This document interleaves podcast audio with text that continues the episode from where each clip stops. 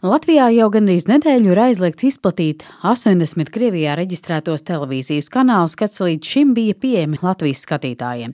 Nacionālā elektronisko plašsaziņu līdzekļu padome lēmusi, ka šāds aizliegums būs spēkā līdz brīdim, kamēr Krievija pārtrauks kardarbību Ukrainā un atdostē Krimu. Kopumā Latvijā ir 26 kabeļtelevīzijas operatori, un katram no tiem Krievijā reģistrēto kanālu īpatsvars kopējā piedāvājumā atšķirās. Piemēram, Baltkom pēc pagājušās nedēļas Nepal lēmuma nācās atslēgt 39 kanālus. Kas aptuveni no kopējā programmu klāsta apmēram sastāv 30%. Stāsta Baltkoma mārketinga direktors Aivars Litānieks. Viņš uzsver, ka tā nav pirmā reize, kad uzņēmums saskaras ar Krievijā reģistrēto kanālu aizliegumu un kopumā šogad atslēgti jau 60 kanāli. Iepriekš uzņēmumam izdevās atrisināt šo situāciju un arī tagad tas meklē kanālus, ar ko aizvietot aizliegto saturu. Protams, nav viegls uzdevums, bet mēs aktīvi komunicējam ar vairākiem satura piegādātājiem. Jau no pagājušās nedēļas klientiem ir pieejami pilnīgi divi jauni kanāli Krievijas valodā. Tas ir tikai sākums, un mēs arī turpmāk strādāsim pie uh, kanāla piedāvājuma pilnveidošanas. No vienas puses, uh, klientiem šie te Krievijas kanāli ir slēgti, bet tāpat laikā mēs esam atvēruši papildus kanālus bez maksas šajā pārējais periodā, satura daudzums klientiem nav mazinājies. Baltkoma mārketinga direktors Aivars Litonieks nenoliedz, ka neiztikt arī bez klientu neapmierinātības un ir arī tādi, kas atsakās no kabeļtelevīzijas pakalpojuma. Šis ir ārkārtēja situācija, kur ietekmē vairāk kā 100 tūkstošu klientu vienlaicīgi. Ir daudz jautājumu, ir daudz neskaidrību. Šobrīd strādājam pie tādas izskaidrošanas. Ir arī jāsaprot, ka atslēdzot Krievijā reģistrētas TV kanālus, tas nenozīmē, ka nepaliek kanāli, kur ir translēt Krievu valodā.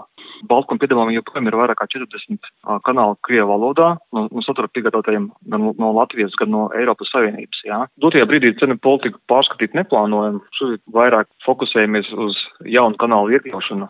Telekomunikācijas uzņēmuma TET pārstāve Lāsma Trofīmova stāsta, ka uzņēmums jau 25. februārī nolēma visās televīzijas platformās pārtraukt to TV kanālu retranslāciju, kas ir vai varētu būt saistīti ar Krievijas valdību. Līdz ar to pagājušās nedēļas Nepal lēmums TET neietekmē. Helio interaktīvās televīzijas pamata piedāvājumā bija tikai viens šāds kanāls. TV21, kas līdz šim darbojās ar Krievijā izsniegt licenci, lai arī ir būtībā Latvijā veidots ārzemju kino klasikas kanāls un tas jau šobrīd ir aizstāts ar TV ekstra.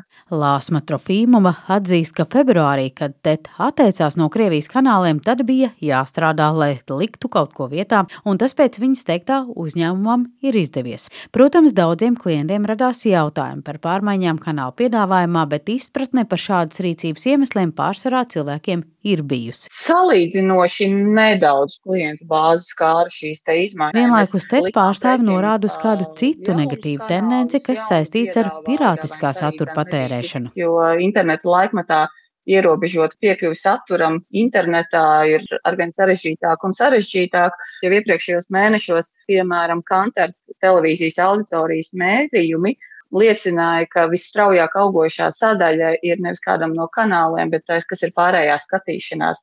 Un šī pārējā skatīšanās iekļauj audiovizuālā saturā patēriņu internetā, video nomā, un tur iekšā daļai ieiet šīs te pirātisms. Un šī pārējā skatīšanās laika daļa ir strauji augusi. Ja janvārī viņa bija 41%, tad martā tie bija jau gandrīz 51%, kas ir pietiekami strauji lēciens. Latvijas elektronisko komunikācijas asociācijas valdes priekšsēdētājs Ilmārs Mūls teica, ka kopumā klientu attieksme, ka kabeļa operatori vairs nepiedāvā Krievijas kanālus, atšķirās dažādās Latvijas vietās un pat dažādos Rīgas rajonos. Tomēr auditorija ir dažāda un ir, teiksim, teritorijas, kur tas neizsauc liels sekas Un ir vietas, kur, protams, abonenti tas pat stāv rindā un, un atsakās no pakalpojumiem.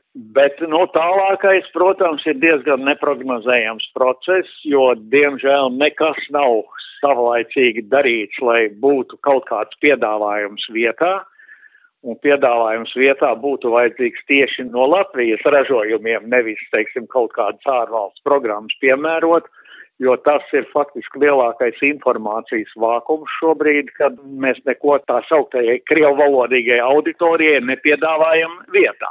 Arī Ilmārs nu, Mūls nu, prognozē, ka šāda informācijas vakuma situācija sekmēs pirātismu uz plaukumu, jo tā auditorijas daļa, kas šobrīd atsakās no kabeļa televīzijas piedāvājuma, meklē, ko likt vietā. Linda Zalāne, Latvijas radio.